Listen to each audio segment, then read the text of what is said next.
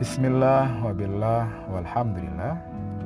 Ilahi anta maksudi waridho kamatlubi Metro 22 Mei 2020 Podcast yang kedua. Kembali Saya membayangkan tengah berada di hadapan freshman students Atau mahasiswa semester 1 dan 2 Kalau mahasiswa semester 3 dan 4 itu namanya sophomore students. Saya lalu berkata kepada the freshman students, "Well, class, kita akan sejenak berbincang tentang when prayer seems to be unanswered." Ketika doa yang kita lantunkan belum mendapatkan jawaban, kita harus bagaimana? For this, let me tell you a story. Saya akan kisahkan sebuah cerita yang sangat terkenal yang ditulis oleh Anthony de Mello. Judulnya The Prayer of the Frog atau Doa Seekor Katak. Cerita ini dengan mudah kalian bisa dapatkan dari internet. And if I tell you this story, jika saat ini saya kisahkan cerita ini kepada Anda, that's because I want to make it meaningful and contextual to your life as a Muslim. Itu karena kita ingin belajar tentang apa dan bagaimana posisi doa bagi seorang Muslim. One, two, three, here we go, class. Alkisah suatu malam, seorang bruder bernama Bruno sedang berdoa. For your information, bruder itu adalah nama panggilan untuk seorang rohaniawan Katolik. Kalau dalam tradisi Islam kita di Indonesia, more or less bruder itu kurang lebih sama dengan ustadz lah. Oke. Nah, ketika bruder Bruno tengah larut dalam doanya, he was disturbed by the croaking of a bullfrog. Dia merasa terganggu oleh suara seekor katak. Bruder Bruno lalu membuka jendela dan berteriaklah, kurang lebih. Wahai croaking frog, wahai kodok yang bersuara nyaring, diamlah. I'm at my prayers karena aku sedang berdoa. Your croaking disturbs me. Suaramu mengganggu kehusuan doaku, kata Bruder Bruno. Karena Bruder Bruno adalah seorang rohaniawan, seorang yang dipandang suci, maka the croaking frog itu pun terdiam. Bruder Bruno lanjut berdoa. Dalam keheningan, dia mendengar an inner voice. An inner voice, sebuah suara yang berasal dari dalam dirinya. Suara itu terdengar jernih berkata, "Tampaknya Tuhan senang mendengar suara bising sang katak. Sama senangnya seperti Dia mendengarkan lantunan doamu." Pastilah ada alasan yang baik kenapa katak turut bersuara di keheningan malam saat engkau berdoa. Kurang lebih begitu suara inner voice yang didengar oleh Bruder Bruno. Bruder Bruno merenung sejenak. He tried to find out the reason. Dia mencoba mencari jawaban tentang mengapa katak bersuara di keheningan malam.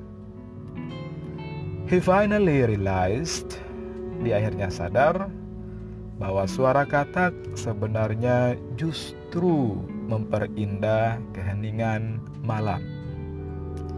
Suara katak mempertegas kesahduan malam. The voice of the frog enrich the silence of the night. Saya ulangi, the voice of the frog enrich the silence of the night. Tanpa suara katak, keheningan malam bukanlah keheningan malam. Tanpa suara kata, keheningan malam hari menjadi tidak sempurna. Menyadari hal itu, Bruder Bruno kembali membuka jendela rumahnya dan berucap mantap. Wahai croaking frog, sing, bernyanyilah. Bernyanyilah dan bantu aku menghidupkan suasana malam ini. Lalu, Bruder Bruno larut lebih dalam dan dalam lagi ke dalam doanya. Hatinya kini menjadi tenang setelah ia mampu berdamai dengan semesta. Doanya lebih husuk setelah ia mampu berdamai dengan nyanyian sang kata. And amazingly, for the first time in his life, untuk pertama kali dalam hidupnya, he understood what it means to pray Bruder Bruno mengetahui hakikat doa dan berdoa. Ia menjadi paham bahwa doa yang baik harus dilakukan dengan cara-cara atau dengan adab yang baik pula. Well guys, that's the end of the story. Short but sweet, ya, singkat tapi indah. Singkat tapi meaningful penuh makna. Nah, uh, ketika kita nih ya belajar bahasa Inggris dasar, kita diajarkan tentang jenis-jenis kalimat. Ingat gak? Salah satunya adalah kalimat perintah atau imperative sentences. Ada banyak polanya ya, kayak tambah bila, tambah up lah, tambah please lah, tambah imperatif lah. Gitu Misalnya be careful, hati-hatilah. Wake up, bangunlah. Get out, keluarlah. Just do it, lakukanlah. Oke. Okay. Atau dalam pola lain, don't do that. Oke. Okay. Let's go dan lain sebagainya. Oh ya, yeah. bagi yang pernah belajar bahasa Arab, maka imperatif sentence ini erat kaitannya dengan penggunaan fiil amr madi mudore amr nah imperative sentence adalah kalimat yang di dalamnya terdapat kata kerja perintah misalnya ikro bacalah dan uktub tuliskanlah anyway apa sih hubungan imperative sentence fiil amr dan doa Dedasi. Mari kita lihat. Pertama, saya pernah mendengar seorang ustadz yang membedakan tiga kata yang memiliki persamaan arti sekaligus perbedaan. Ya, karena kita uh, belajar bahasa, jadi kita mulai dari bahasa. Tiga kata itu adalah doa, iltimas, dan amr. Ketiga kata ini semuanya berarti meminta. Doa adalah permintaan dari pihak yang lebih rendah kepada pihak yang lebih tinggi. Kalau yang setara posisinya, kita menggunakan iltimaz. Sedangkan amar adalah perintah dari pihak yang lebih tinggi kepada pihak yang lebih rendah. Oke? Okay? Oke. Okay. Do I make myself clear? Alright, thank you.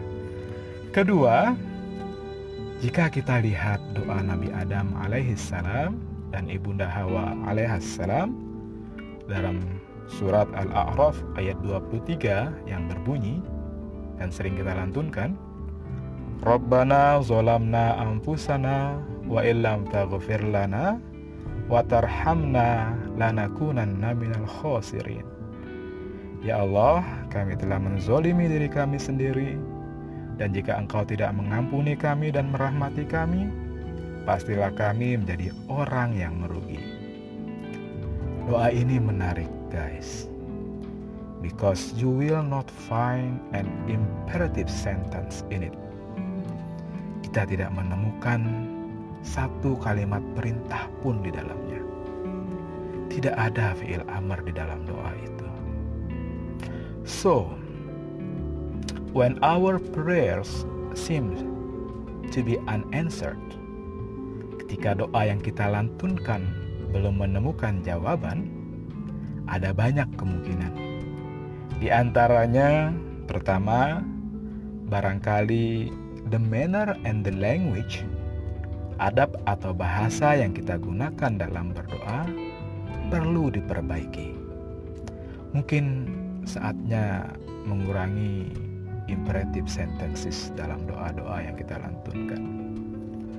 Dan kemungkinan yang kedua, dan ini menarik, dan untuk itu saya akan bacakan secara verbatim, secara apa adanya, dari karya Profesor Muhammad Quraish Shihab dalam buku beliau yang berjudul Lentera Al-Quran, Kisah dan Hikmah Kehidupan. Dituliskan di sana bahwa bila apa yang dimohonkan tidak diperoleh dengan segera, Anda tidak akan rugi. Nabi pernah bersabda, "Pada hari kebangkitan, ada orang yang terheran-heran melihat ganjaran perbuatan yang dia rasakan tak pernah dilakukannya. Ketika itu disampaikan kepada orang-orang yang terheran itu. Dikatakan, inilah doa-doamu di dunia yang dulu tidak dikabulkan. Bukan? Karena itu janganlah jemu berdoa, juga jangan menggerutu apalagi mengutuk mengutuk. Last but not least, Soren Kierkegaard, seorang filosof berkebangsaan Denmark, masyhur karena ucapannya bahwa prayer doesn't change God, but it changes him who prays. Doa tidaklah merubah keadaan Tuhan, namun doa merubah pribadi orang yang melantunkannya. Keep praying class because doa is the weapon of the believer. Ad-doa silahul mukmin. Doa adalah senjata orang yang beriman. That's it. Assalamualaikum warahmatullahi wabarakatuh.